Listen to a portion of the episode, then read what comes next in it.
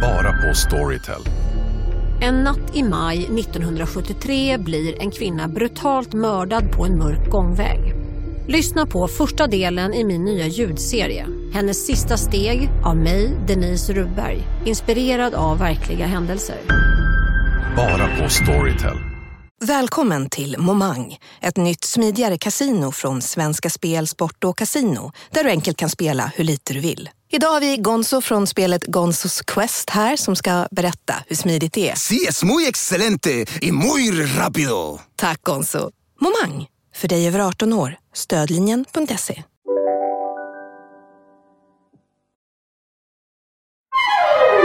Du lyssnar på en podd från Perfect Day. Ska vi gå igenom truppen då, Erik? Och det, det fattas väl en, va? Ja, det kan man tycka. Ja. Du vill alltså ta det direkt till Maradona. Ja. Ja, nej, han saknas. Den 17-åriga supertalangen. Han var ju med där ute i José Carlos Paz. Han var med när det var koncentration under VM-våren. Så han var ju väldigt nära. Ja. Men Menotti var väl tydlig med att han byggde en trupp och ett lag utifrån sin modell. Och även om det var uppenbart att Maradona skulle bli bäst i världen så var han inte det riktigt ännu. Och att bara inkludera liksom det här råämnet, det skulle kunna rubba balansen mer än att bidra till den. Och Menotti var ju väldigt inne just på balans. Han var inne på att liksom bygga ett lag som i hög utsträckning utgick från liksom existerande relationer. Han gillade folk som redan kände varandra och som redan hade spelat med varandra. Och Detta ledde till att ja, men han gärna tog ut spelare i block. Ja, detta innebar väl en del ögonbrynshöjare, för han tog liksom ut ett halvdussin spelare från River Plate, Ja. för de kände varann och de fungerade tillsammans. Men å andra sidan tog han ut noll spelare från Boca Juniors, trots att de hade vunnit Libertadores två år i rad, så de var bäst i Sydamerika. Men inte en enda spelare i landslagstruppen. Vadå då? Nej, men det var den där idén om att man ska ha block med spelare som redan är bekanta med varandra på och utanför planen. Och från Bocca hade det ändå bara varit aktuellt att liksom banda in ett par, tre spelare och de har en annan fotbollsfilosofi än den vi utgår ifrån. Så nej, då är det bättre Men det Liksom, måste varit, varit kritik mot honom där. Ja, det var, det var ett speciellt debattklimat i Ja, Argentina, ja. så det var väl kanske inte den kritik som du tänker dig. Nej. Men det var ju samma också med Maradona. Han spelade ju för Argentinos Juniors. Det var ingen annan från Argentinos Juniors som skulle med. Nej. Och därför blev han, hans case blev svagare därigenom. Jag säga också Maradona grät ju ögonen du sa jag var helt förtvivlad att, han inte kom med. Ju. Ja, han tänkte väl inte så jävla mycket på generalerna, utan Nej. han tänkte ju såklart på hemma-VM. Ett sånt kommer aldrig mer att erbjudas honom och nej, det gjorde det ju inte. Nej. Det här var hans enda chans att spela VM hemma i Argentina. Men sen, ass, jag vet inte fan om du vill blåsa igenom egentligen vare sig trupp eller lag, för jag gissar att rätt många av de här är spelare och namn som du inte har någon vidare relation till. Nej, det är typ tre, fyra stycken. Minns du, alltså, fan, minns du VM 78? Ja, nej, det gör jag inte. Jag kommer ihåg att jag var på eh, att jag såg glimt av finalen. Eh, eller, för jag kommer ihåg de orangea och blårandiga och det här konfetti-grejen. Men jag du var, du var ihåg. typ sex då? Sju var jag. Fan, det Ja. borde du minnas bättre. Ja, men det, det var inte liksom tv var inte så jävla väl utbyggt. Jag var eh, sju VM 86, minns varenda spark. Jo, jo, jo. Men du, men du, du är du, Erik. Ja. Men man höll inte på att samla samla bilder Jo, och så? det gjorde, man. Eh, Okej. Men det gjorde nog storebrorsan, tror jag. Finns det ett VM 78-album någonstans? Nej, men det finns ett 82. Ja, det är ändå bra. Ja. Jag eh, fyllde 86, vet du. Vad sa du? Jag fyllde 86. Gjorde du det? Jajamän. Ja, för jag har ju inte kvar det här 82-albumet, tyvärr. Då, men det, det fanns. Ja, men jag, jag tror att du måste kanske fan ha samlat på bilder i ett album 78 för att bygga upp någon stark, varaktig relation till de argentinska spelarna. För ja, de är ju faktiskt ganska anonyma. Och jag tror inte inte att vi ska lägga 15 minuter på att bara smattra massa namn, utan vi kan nog bara dra liksom, nyckelspelarna Ja. i respektive lagdel. Och där kan vi börja med målvakten Ubaldo Fiol, för han var ju en jävla panter och en av River Plate-spelarna på den här tiden. Precis då som kaptenen framför honom som han bildade en typ av defensivt lås med.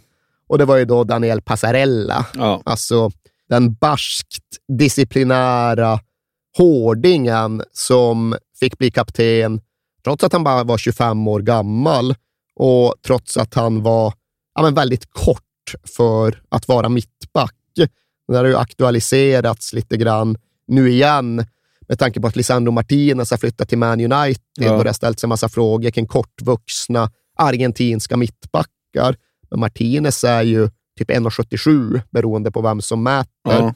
Passarella tror jag var 1,73. Ja, Så det var ju... Väldigt kort. Det är alltså. väldigt kort, Ja. men de har den traditionen att ja, de väntar sig inte att alla ska möta Peter Crouch i Stoke Nej. varenda vecka och de ser andra värden. Roberto Ayala var inte heller särskilt högrest, men även han en av de mest effektiva mittbackarna för sin tid. Och vad fan, vi gjorde nyss ett avsnitt om Italien, VM 2006, och där fanns Fabio Cannavaro. Ja. Så det går ju att eh, fungera som Verkligen. mittback, även om du inte Du är får vara 1,95. spänstig. Ja, timing Ja. är det ju mer än spänst, Ja. ärligt talat. Timing, spelförståelse, beslutsamhet. Allt Ja. det hade definitivt Daniel Passarella. Kan vara vara rätt spänstig också. Jo, herrejösses, Ja. det ska vi inte eh, förringa på något Nej. sätt. Men Fiol, Passarella och så då framåt skulle jag ju faktiskt säga att Ossi Ardiles var ja, men lagets hjärta och lungor på något sätt. Och detta säger jag inte som Tottenham-anhängare, utan han hade den där förmågan att få fart på spelet som en 80 eftersökte. Det här skulle inte vara ett tålmodigt tassande Argentina, utan han ville driva upp tempot. Osvaldo Ardiles var fantastisk som accelerator. Dels så rörde han ju sig mycket och snabbt, men sen hade han också den här förmågan att liksom sätta fart på bollen. Ja. Ganska enkelt, men ändå snabbt, distinkt och ofta framåt. Så han var lagets temperaturhöjare och därför helt oumbärlig. Får jag bara fråga, hur högt rankar du Ossi Adiles i alltså Tottenham-historien? inte så högt som jag borde kanske, för även om han var bra och även om han var väldigt omtyckt så skulle jag väl säga att han spelar sin bästa fotboll i Sydamerika. Ja. Ja. Ricardo Villa då? det är ju bara att han gjorde mål i fa Cup-finalen Ja. 81, liksom. Men han var, jag ska inte säga en bonusspelare i Spurs, men det var inget gigantiskt avtryck. Nej. Och Adiles gjorde ett klart mycket större avtryck. Men han är inte med i din eh, drömelva i Nej, det Spurs? skulle han inte vara. Inte på bänken heller? Nej, det tror jag faktiskt inte. Och mina drömelver tenderar ju faktiskt att bestå av 11 spelare. Dina som består av 36 får ju alla plats. i. Du har aldrig någonsin valt bort någon i en jag, det, har, jag- det har jag visst det. Jag tror jag har tagit ut i det här eh, sex eller sju spelare i mitt drömlag. Du tog ju ut typ 10 första halvåret, sen har du börjat stanna nej då, för att nej, du, jag, jag kan till och med dra dem. Det är inte mer än sex, sju stycken. Däremot är det ju väldigt, det, det, det är väldigt offensivt eh, riktat kan man ju säga. Det var ju väldigt länge sedan du senast tog ut en spelare, Ja. just för att jag tror att du kände dig pressad. Nej, men vi har ju inte riktigt nått... Hittar vi eh, någon i VM 78 som blir aktuell? Eh, det gör vi inte, eh, därför att Cruyff inte är med. Då. Det här är ju inte superstjärnornas VM. Nej. Maradona blir sidsteppad, Cruyff väljer att stanna hemma, Pelé har lagt av. Ja, det finns inte. Björn Nordqvist för gammal. Nej, men det, finns ju inte det där riktiga, riktiga affischnamnet. Det är väl så att liksom frontfiguren för VM 78 kom att bli Mario Kempes. Men det är ju en stor spelare, Ja. men inte ens du får ju in han i ett All-star-team genom alla tider. alltså knappt topp 100. Ja, nej, men det är ju faktiskt Nej. så. Men det är klart att i det här sammanhanget så är han ju väldigt notabel. Ja. El Matador, som ju faktiskt hade hunnit ut innan grindarna stängdes. Ja, han var i Valencia va? Han var i Valencia och han hade vunnit den spanska skytteligan två år i Ja. rad, så det var ju en stjärna. Han var cool också ju. Ja, herregud. strumpor, det långa håret. Det är ju många i Ja. det här laget som ser distinkta Ja, det gör de ju liksom. verkligen. Det, och tiden har ju liksom Tiden har spelat dem i händerna. Ja. De där mustascherna kanske inte kändes så rätt 1991, men nu börjar de eh, vara på sin plats ja, igen. ja, ja. Men det var ju en grej också med hur Menotti använde Kempes. För Meno, alltså han spelade någon typ av 4-3-3, det får Ja. vi beskriva det som. Och Kempes får snarast sägas ha varit spetsen i mittfältstrean Ja. när turneringen började, snarare än strikern. För längst fram låg Leopold Lucke, apropå mustascher, ytterligare en av de här River Plate-spelarna. Och så hade de alternativ på yttrarna i Bertoni och Hauseman och Ortiz. Men jag vill ändå hävda att det är den här ryggraden genom lagets centrala delar som är styrkan.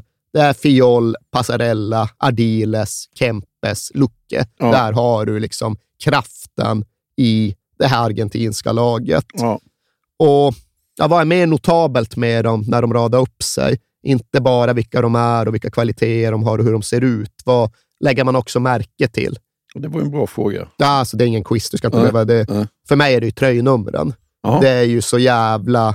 Ja, man får nog haja till på ett så självklart sätt. Det här med att de också kör bokstavsordning. Ja, ja. Att det inte är någon målvakt som har tröja nummer ett, utan det är ju Norberto Alonso från River Plate.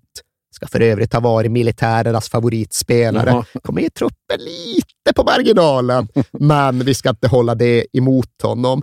Han hade nummer ett på sin tröja, Ossi Ardiles nummer två och så är det ju ner till nummer fem innan du hittar ordinarie målvakten Fiol i alfabetet. Så femman gällde för ja honom. för man tänker inte så mycket för att Kempes har ju tian. Liksom. Jo, det men känns det, ju som att det är en tanke. nej, det slumpade sig Ja, så. ja. Det är inte Cruyff 74 som menar att alla nummer är jämlika utom mitt nummer 14 som jag ska ha oberoende Ja. av alfabetet.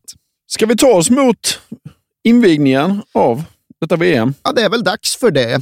Och invigningen innebär ju inte då att Argentina ska spela fotboll, utan det är de regerande världsmästarna som öppnar turneringen. Det är Västtyskland som ska spela mot Polen.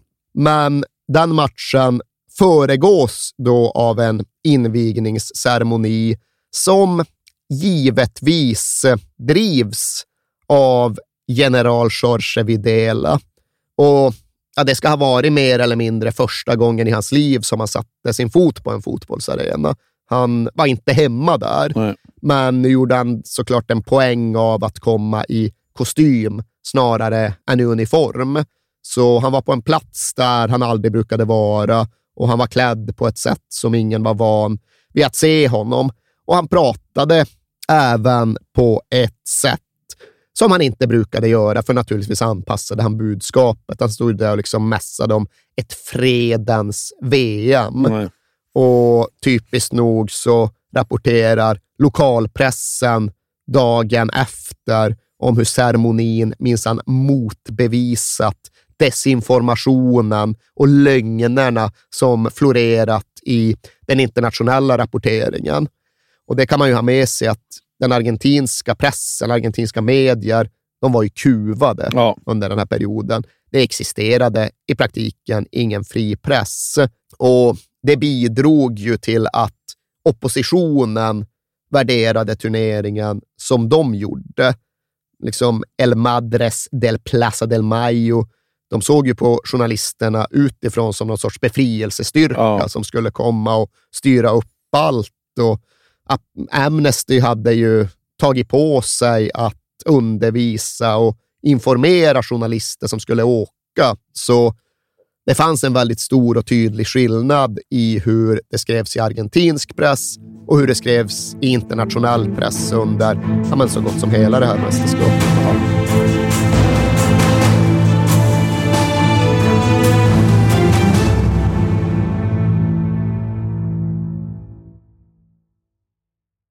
Vi fortsätter med vårt stora 90-årsfirande, Alex. Ja, precis. Själva födelsedagen för Stryktipset är ju i oktober, men det här är liksom det är förfesten. Ja, för vi är ju sponsrade av Stryktipset. Ett spel från Svenska Spel, Sport och Casino för dig över 18 år. Vi är ju det och eh, har du problem med ditt spelande så finns stödlinjen.se där för dig. Och jag eh, funderar lite så här, undrar hur många som har haft 13 rätt genom de här 90 åren. Som har eh, förtjänat den här respekttröjan. Liksom. Vi firar ju på vårt speciella sätt med våra kära lyssnare som ja, älskar Stryktipset och har skickat in historier till oss om eh, hur Stryktipset har påverkat dem i 90 minuten. Och fortsätt gärna skicka in de fina historierna till kings at perfectdaymedia.se. Har vi någon historia idag? Ja, det har vi. Och den kommer från Thomas. Den är kort Mm. koncis. Mm. Den går så här. Jag vill tro att detta är 2010. Arsenal spelar otrolig fotboll och ska bara städa av Sunderland och leder med 1-0 på stopptid. Mm. Jag har 12 rätt med häng på 13.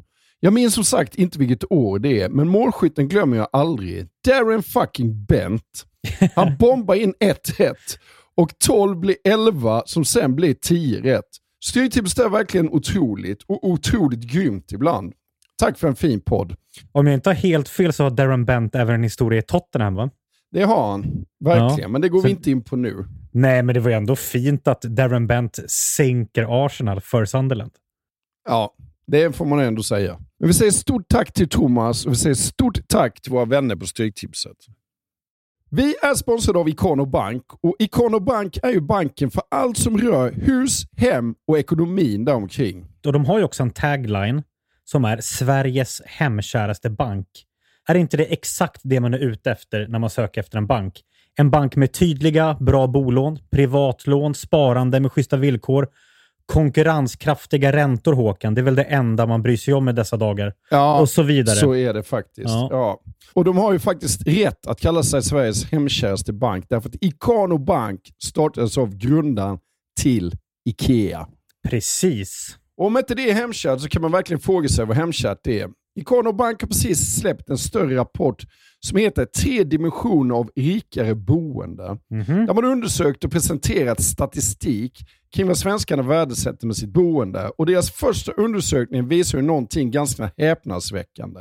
Eller hur? Det gör ju det. Kan du, kan du berätta? Ja, den visar ju att trots det höga ränteläget så har mindre än hälften av svenskarna vidtagit någon form av åtgärder det senaste året för att förbättra sin boendeekonomi. Ja, det låter ju inte så bra kanske. Nej, det gör du verkligen inte. För att undersökningen genomfördes i augusti och det är bara 45% som har gjort det. Av dessa har endast 16% av bostadsägarna förhandlat om lägre ränta. Mhm. Mm. Många verkar ha en uppfattning om att det är jobbigt och krångligt att byta bank, vilket det inte är. Fler borde kolla upp om du kan spara pengar genom att byta bank. Därför uppmanar vi er att ta kontakt med Ikano Bank eller gå in på ikanobank.se för att se om du faktiskt kan få en bättre ränta. Vilket är en no-brainer med tanke på hur ränteläget ser ut, eller hur? Verkligen, så är det ju. Vi säger stort tack till Ikano Bank.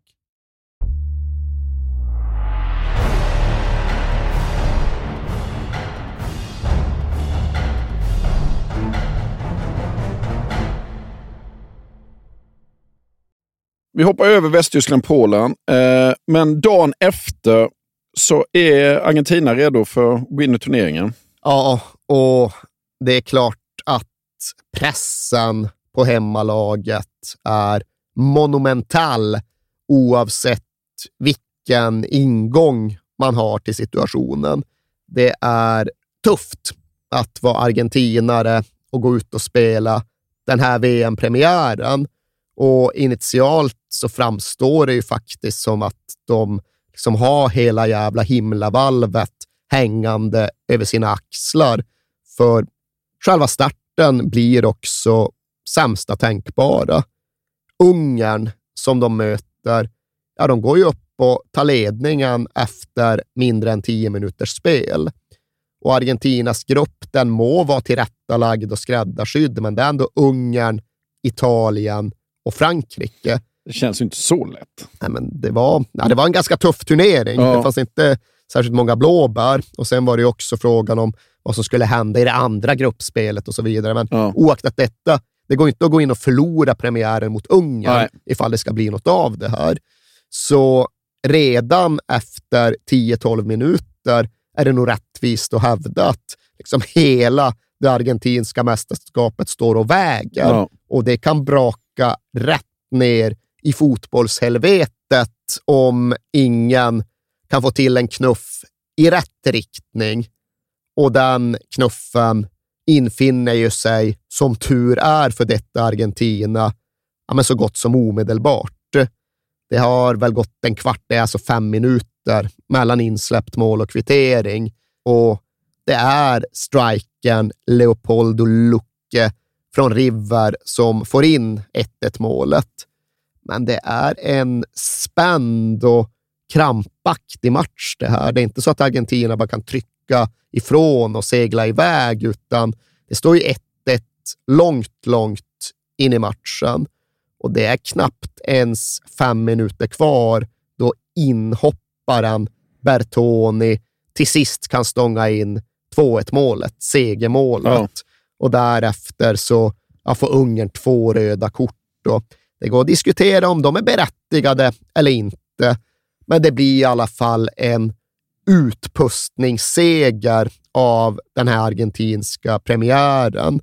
Och Bertoni har gjort segermålet. Lucke är den andra stora hjälten genom sin kvittering. Men för honom blir glädjen grumlad så gott som omedelbart. För han får veta senare samma kväll att en av hans allra närmaste vänner har ja, kanske inte förlorat sin brorsa, men i alla fall blivit av med sin brorsa på själva matchdagens morgon. Det var en av alla de här som bara försvann. Ja. Och så visste man inget mer om det, även om man anade, även om man fruktade. Och just den här unga mannen, alltså brorsan till en av landslagsspelaren Luckes allra närmsta vänner, han skulle senare hittas på en av Rio de la Platas flodbanker med betong runt benen. Ja. Och den här avrättningsmetoden, den är väl kanske den som förknippas allra starkast med den här argentinska mördarregimen. Och där är det också så att när visste man vad? Och jag har försökt gå tillbaka och kolla på det.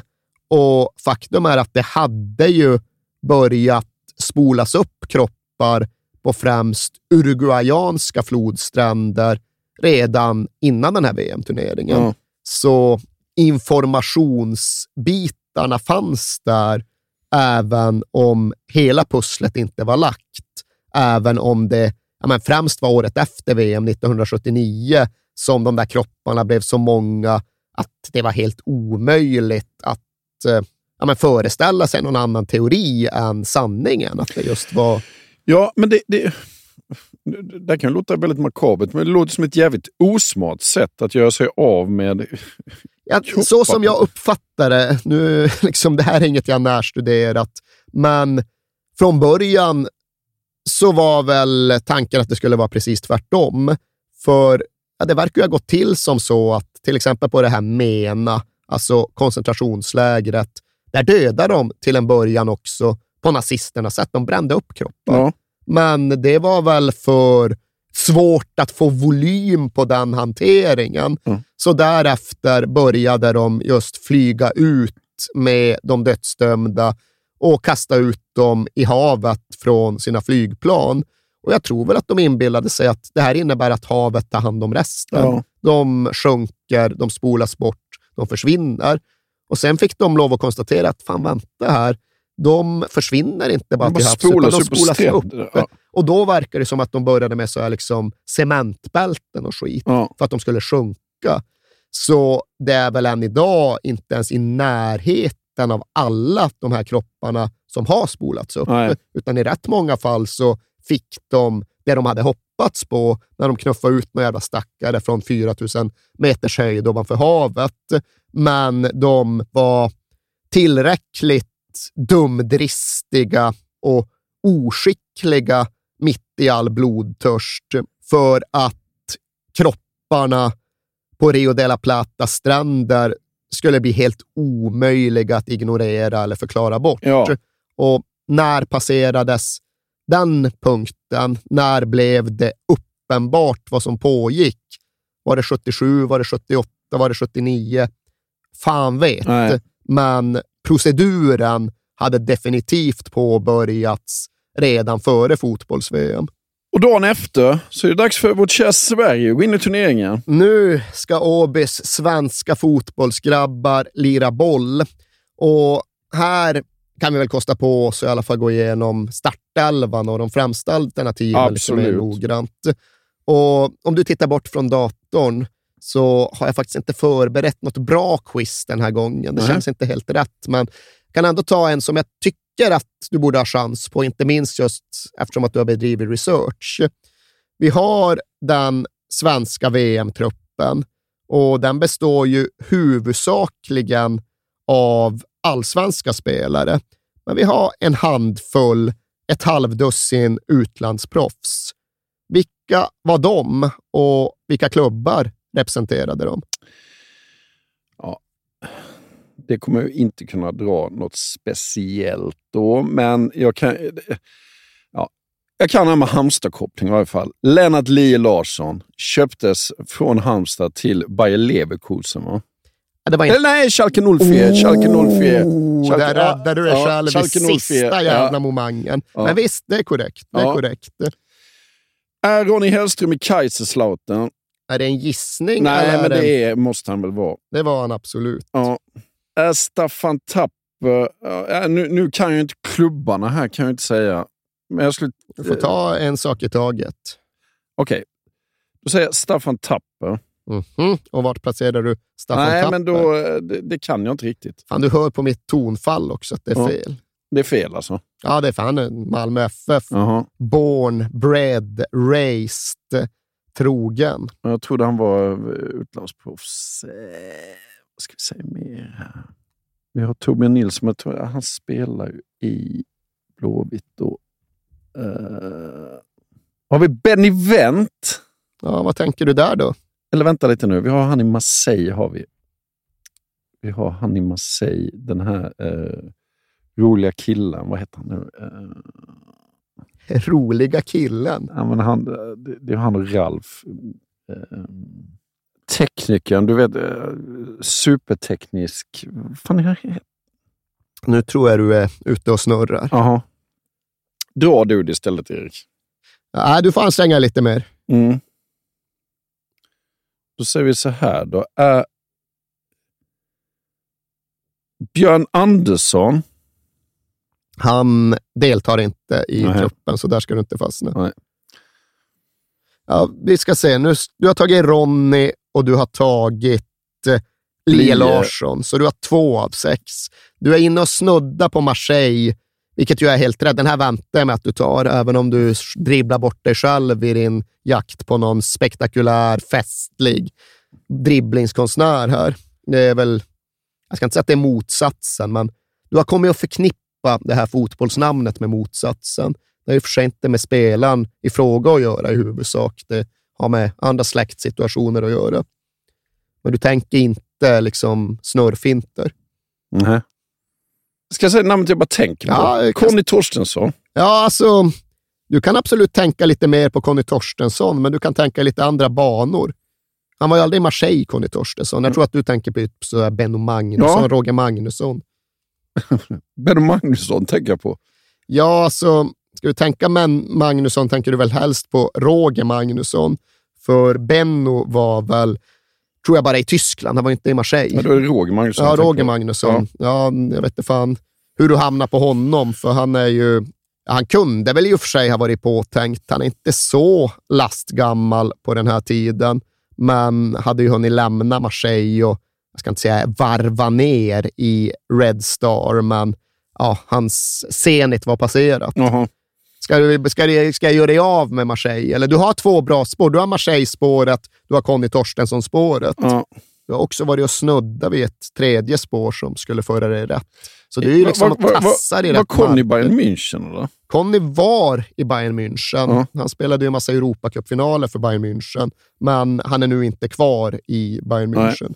Nej, ja, det, alltså jag vet ju Thomas Sjöberg var ju eh, faktiskt vår målgörare där, men jag undrar om inte han var i Malmö då. Han var i Malmö, Mm. likt väldigt många andra Exakt. de här spelarna. Vet du vart han hamnade efter Malmö? Han, liksom både, på båda sidor om Malmö. Han hade varit i Karlsruhe, men vet du vart han hamnade sen efter VM 78? Nej.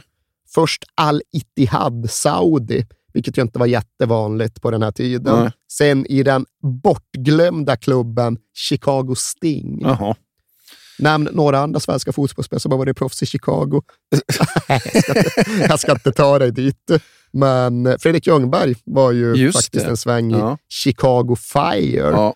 Och sen var även Frida Östberg i Chicago Red Stars. Ja. Det är de jag tycker man ska ta ur huvudet.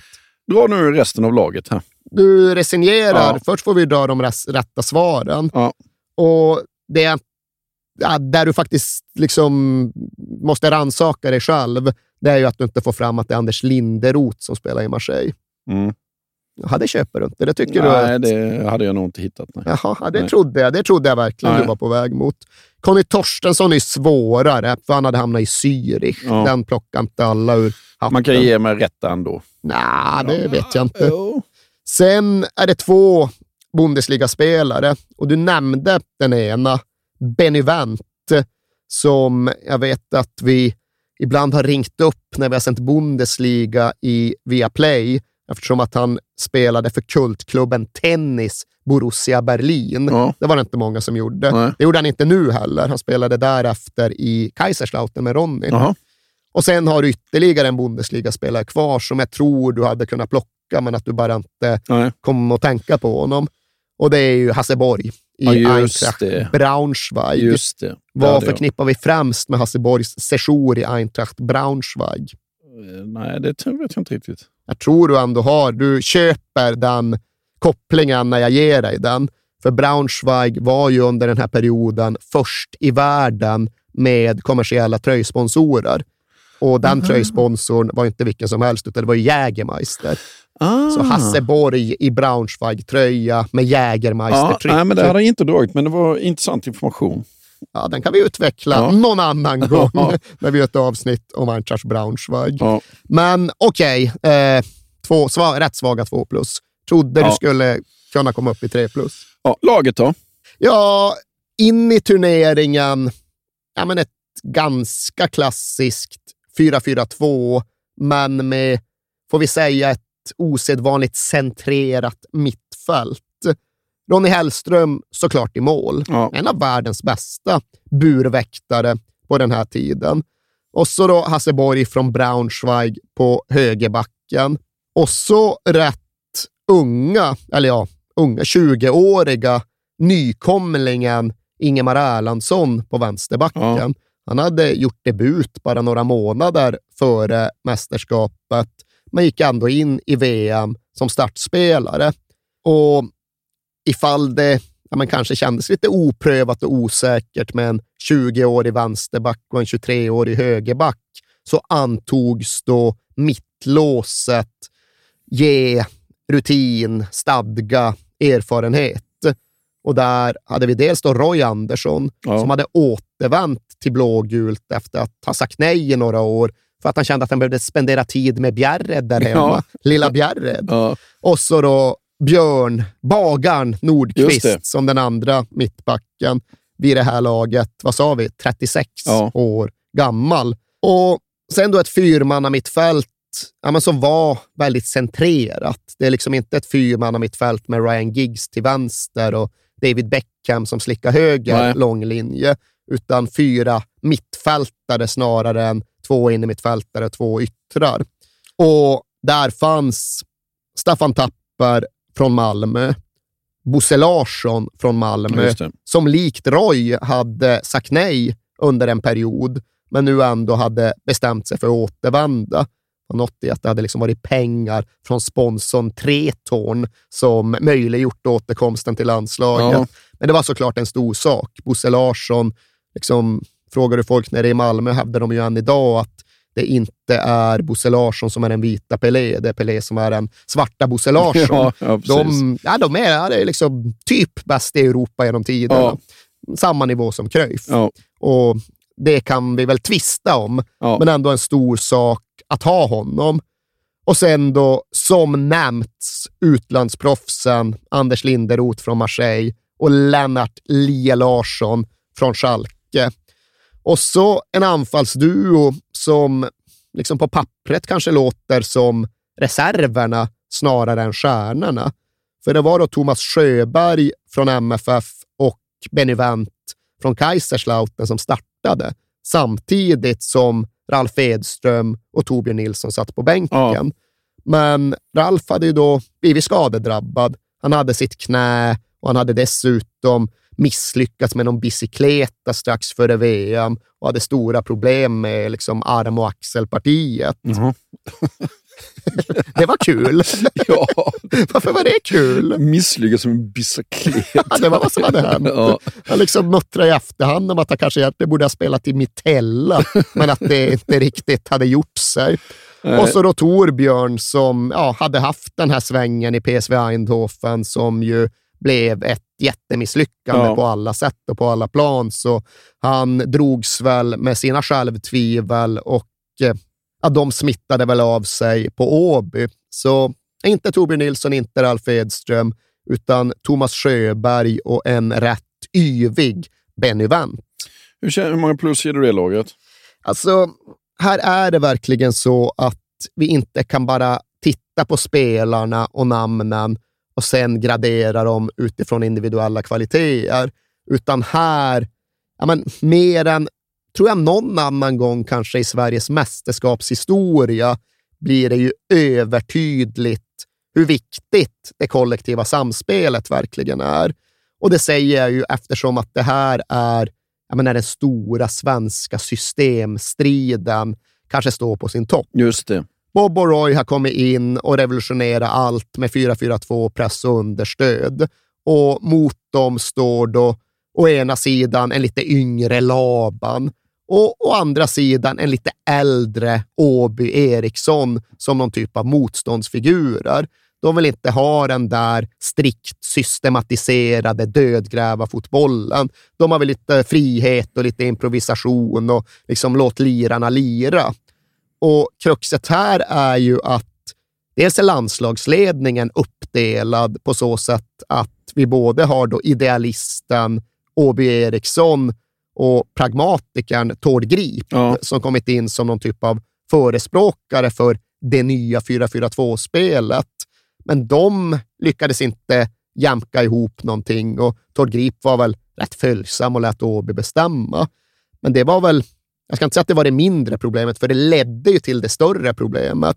Och det större problemet var ju rätt och slätt att halva laget spelade på ett sätt och den andra halva laget spelade på ett annat sätt. Jo, men stämmer det att halva laget spelade zon och halva laget spelade man-man?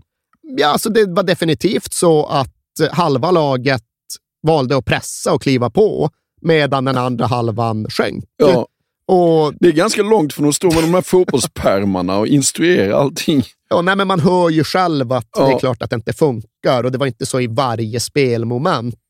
Men i flera situationer så var det ju så att ja, men spelarna gick på, inte på ryggmärg och instinkt, utan på intränad mekanik. Ja. Och då klev Malmökillarna och så sjönk flera andra. och så var det ju till exempel på ett tydligt sätt i den här premiären mot Brasilien. Ja. Oj, liksom omsusade Brasilien nere i Mar del Plata, alltså argentinarnas badort. Men ja, det här var ju mitt i vår sommar, mitt i deras vinter, så så jävla badvänligt var det inte. Men strunt samma, ett Sverige i blått och vitt tar ju ledningen och vilket ledningsmål det är. Ja. Det är ju verkligen liksom Åby-fotboll som man drömmer om. Det är liksom spelare som liksom låter passningsspelet driva dem framåt och det är positionsskiften och det är individuell genialitet när Bosse Larsson hittar fram en men helt sensationell yttersidespassning till Thomas Sjöberg som stöter bollen i nät. Ja. Alltså ett fantastiskt mål. Vi ska inte säga något annat. Men sen då precis före paus ett brasilianskt inspel och tre försvarsspelare trycker upp och ska spela typ offside.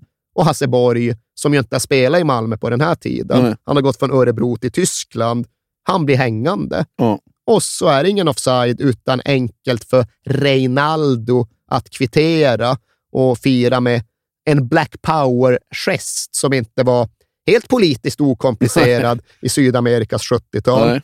Men ja, där är ju verkligen en specifik situation där det svenska problemet blir väldigt tydligt och där det även blir väldigt kostsamt. Och det här är ju då inte något som vi sitter och hittar på och överdriver, utan det har ju de inblandade spelarna själva berättat om. De har pratat om liksom förvirringen och bristen på samsyn och i någon mån faktiskt även kanske bristen på respekt för Åbys auktoritet. För det är också en helt häpnadsväckande sak med just den här premiären. Att Åby, och liksom till hans fördel ska det verkligen sägas att det här är en man som ser möjligheterna. Han vill vinna fotbollsmatcher. Han vill inte liksom vänta på att motståndarna gör misstag. Så vid ställningen 1-1 mot Brasilien i VM-premiären, då känner ju han att det är läge att liksom trycka på med allt han har. Så han slänger in Ralf Edström och beordrar 4-3-3-uppställning. Ja. Nu ska vi satsa på ett segermål. Men Thomas Sjöberg från Malmö möts av den här instruktionen och säger bara aldrig. Han sjunker va? Nej, alltså gör Ja. det här när vi, fan, vi har 1-1 mot brassarna. Vi ska slå vakt om den här poängen. Så på eget bevåg, mot tränarens uttryckliga order, så kliver han ner på mittfältet och Ja. bibehåller 4-4-2-modellen och ja, kanske bidrar till att det bärga ett kryss. Ja. För kryss blir det, trots att Brasilien då har ytterligare en boll i nät. ja, det är klart de borde vunnit den matchen, Brasilien. Tycker du? Alltså baserat på den situationen? Nej, men baserat på att de får en hörna precis i slutet. Mm. De slår in hörnan och när Sicko eh, nickar in den, precis när han sätter pannan till bollen så blåser han av matchen. Så numera är det väl så att en domare inte får blåsa av även om stopptiden är slut ifall det har blivit dags att slå en hörna. Jag fattar regelskrivningen nu som så att liksom den här hörnan ska du alltid låta spela ut. Ja. Så med dagens mått mätt tror jag det hade varit ett felbeslut. Men så som i alla fall de svenska spelarna berättar om det från 78 så säger de att ja, det blir en hörna precis när tiden är ute. Och då säger domaren tydligt så alla hör att ja, visst, okej, ni får sparka bollen, men jag kommer blåsa så fort den är i luften. Jaha. Och de menar att alltså, vi deltar ju inte när hörnan kommer. Vi har ju redan slutat. Vi har ju gått mot mittcirkeln, för han har sagt så. Vi har hört visslan. Ingen gör en ansats att förhindra det som Okej. sker.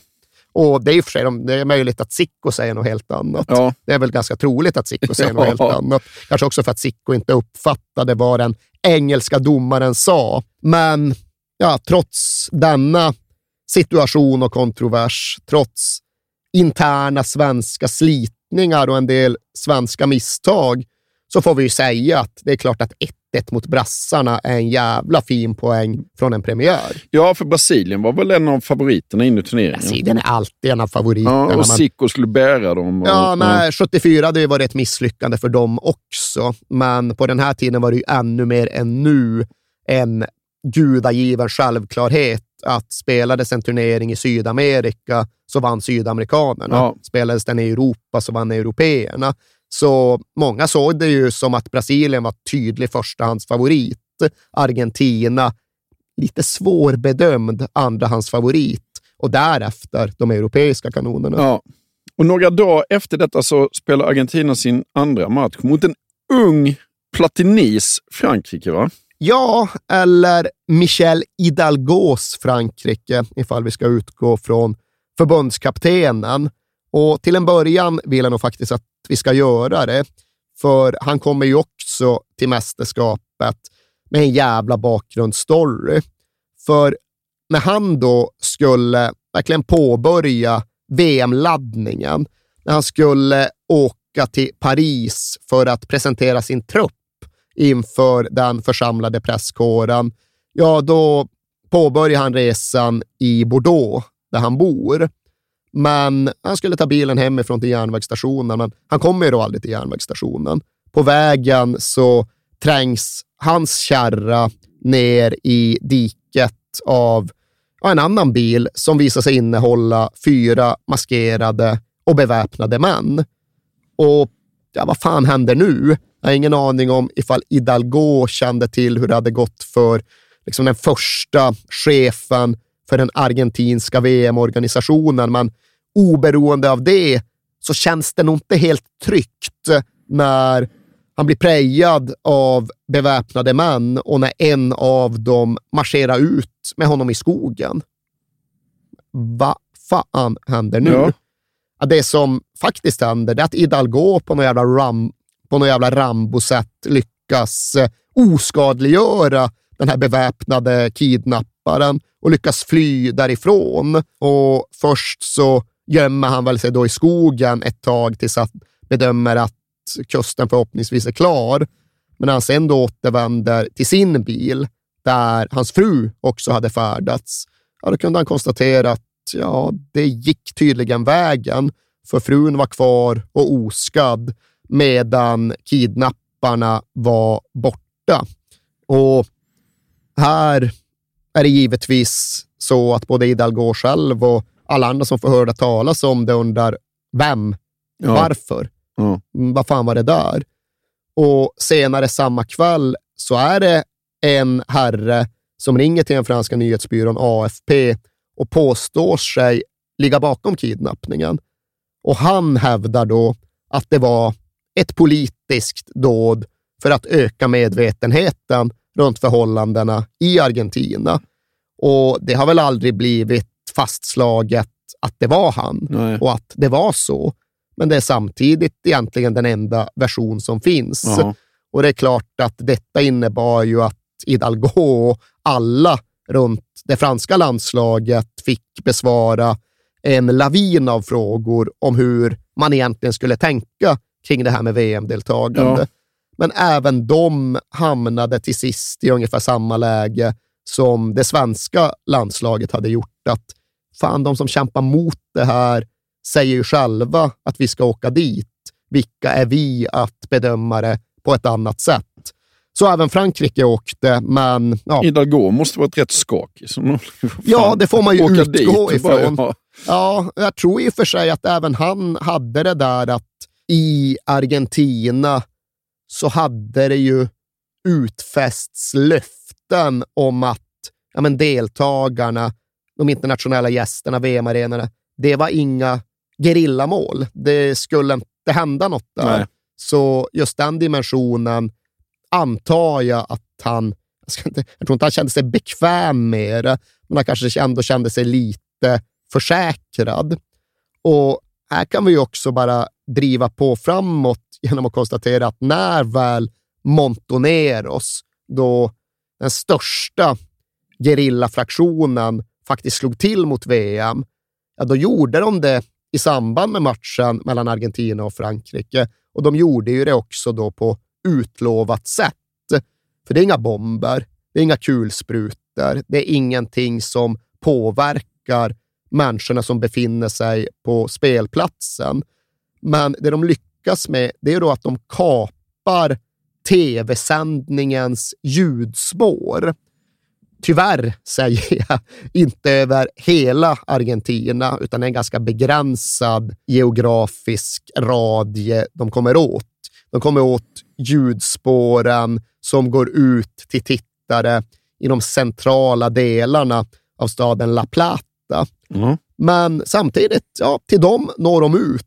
Och snarare än att ha en kommentator som refererar Argentina-Frankrike genom att prata om liksom Kempes position, så är det nu då Montoneros chefsideolog Mario Firmenich som under 13 minuter eldar på om hur diktaturen minst har fått fler än 5 000 att dö och ytterligare 20 000 att försvinna. Och det är nu varje argentinares plikt att visa världen det verkliga Argentina, alltså mördandets Argentina.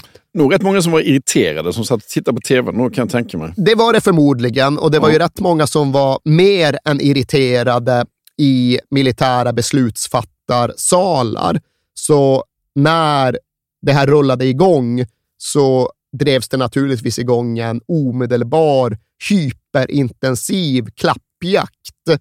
Och jag vet inte exakt vad de hade för scanning-instrument på den tiden. De lyckas då snabbt lokalisera sabotaget och utsändningen till femte våningen av ett hotell där i La Plata.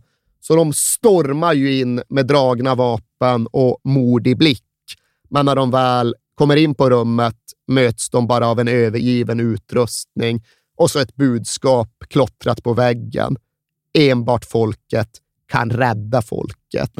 Och man, fan, man får ge Montoneros det att de behärskar liksom sin gerillaroll ända in i ja, men de här jävligt coola Ja, aktionerna ja. och slagorden. Det är en jävla cool grej att göra. Ja. Att lyckas med den där prylen och sen lämna rummet precis innan militären kommer med det där jävla slagordet skrivet på väggen. Det är ju det är film. Snyggt. Det är det.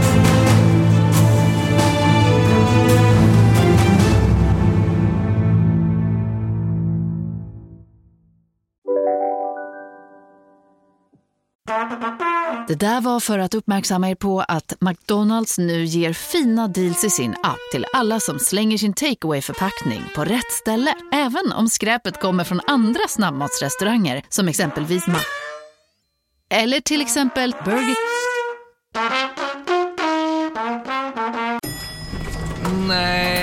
Dåliga vibrationer är att gå utan byxor till jobbet. Bra vibrationer är när du inser att mobilen är i bröstfickan. Alla abonnemang för 20 kronor i månaden i fyra månader. Vimla! Mobiloperatören med bra vibrationer.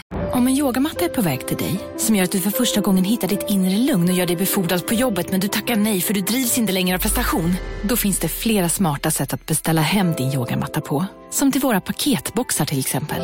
Hälsningar Postnord. Hur blir den här matchen då?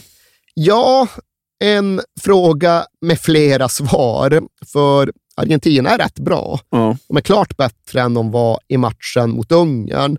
Och Kempes kommer loss ett par gånger och har två bollar i virket. Men Argentina lyckas inte ta ledningen och halvtidsvisslan närmar sig.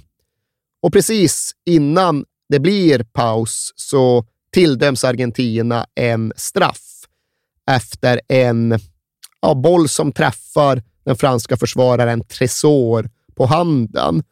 Och i den engelska sändningen så ska liksom den dåvarande BBC-kommentatorn Barry Davis komma att mullra om att det är den löjligaste straff han någonsin sett.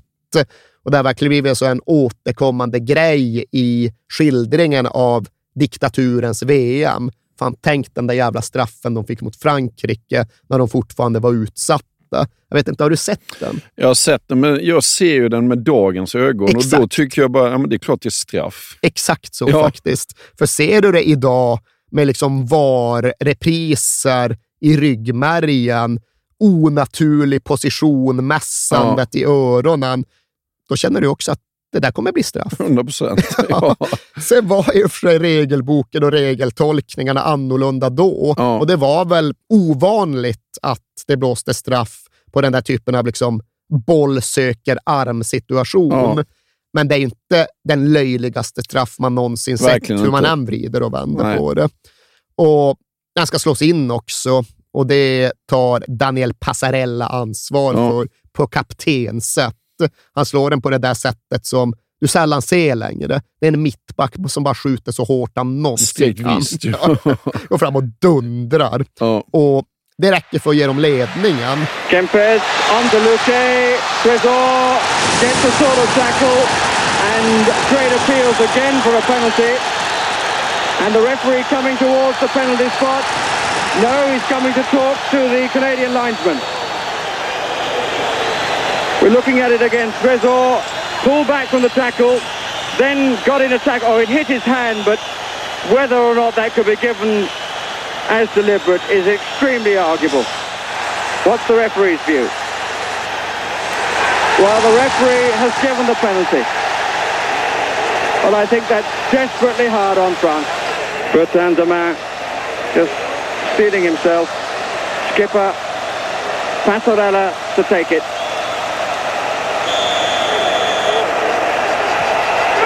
Corner.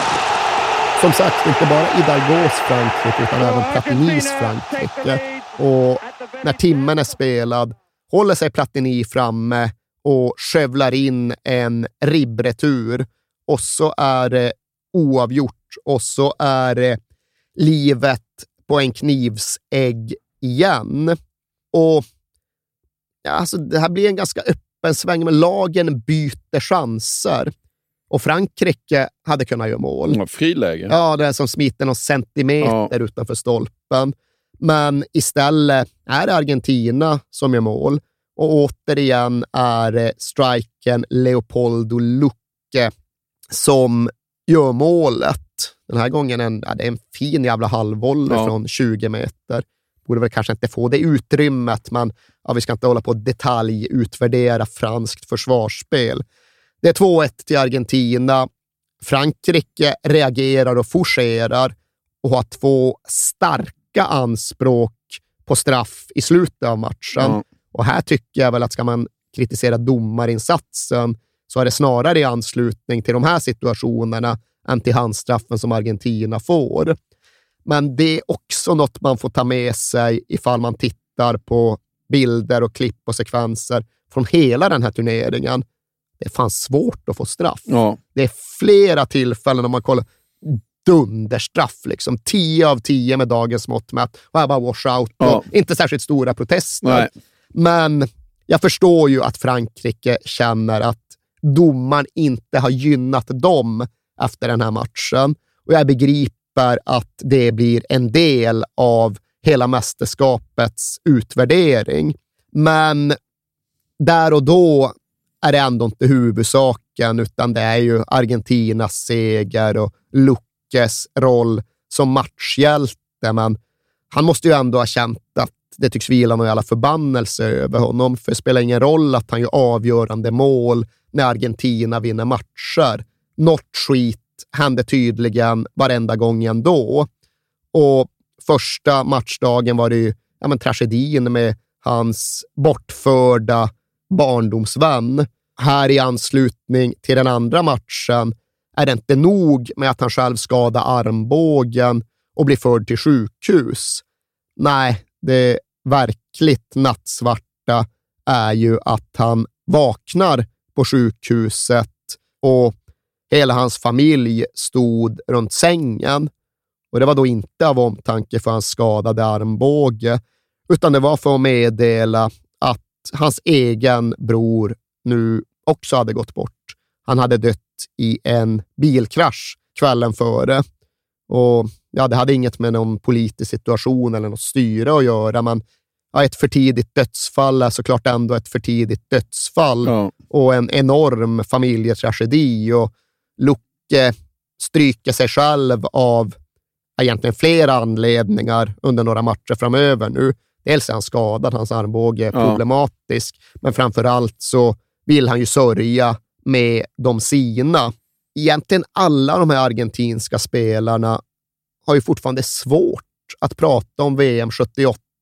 Inte för att de är traumatiserade, men tror jag, för att de inte riktigt vet vad de ska säga, eftersom att de inte riktigt vet vad de själva tycker och att de knappt ens själva vet vad det var de gick igenom. Nej. Vad var det som hände? I vems intresse låg det? Vem drog eventuellt i vilka trådar? De vet själva inte. Nej. Men oaktat det storskaliga politiska spelet så kom Leopoldo Lucke tidigt att prata på ett regimkritiskt sätt. Och det var ju för att det redan här så tydligt blev personligt för Ja. honom. Det gick inte att blunda för det där försvinnandet och det gick inte att låtsas som att det var något annat än politik och junta som låg bakom. Och det var inte deras fel att brorsan sen körde ihjäl sig. Men när han sen skulle begravas så fick Lucke lov att konstatera att det inte var en käft från ja, men egentligen vare sig förbundshåll eller högre ort som verkade bry sig ett smack. Alltså, det vore väl en sak att bara höra av sig och kolla läget och uttrycka sympati, men inte ens det. Än mindre någon vilja att arrangera och bekosta begravningen, utan det fick Lucke och hans familj lov att lösa själva och det här var inte en tid av hisnande fotbollsspelarlöner, så det var svårt för dem ekonomiskt och lösningen blev i stort sett att Loke gick runt med kepsen och skramlade i det egna omklädningsrummet. Hans lagkamrater hjälpte honom, men hans fotbollsförbund, ja, för den delen hans nationsstyre, de lyfte inte ett finger.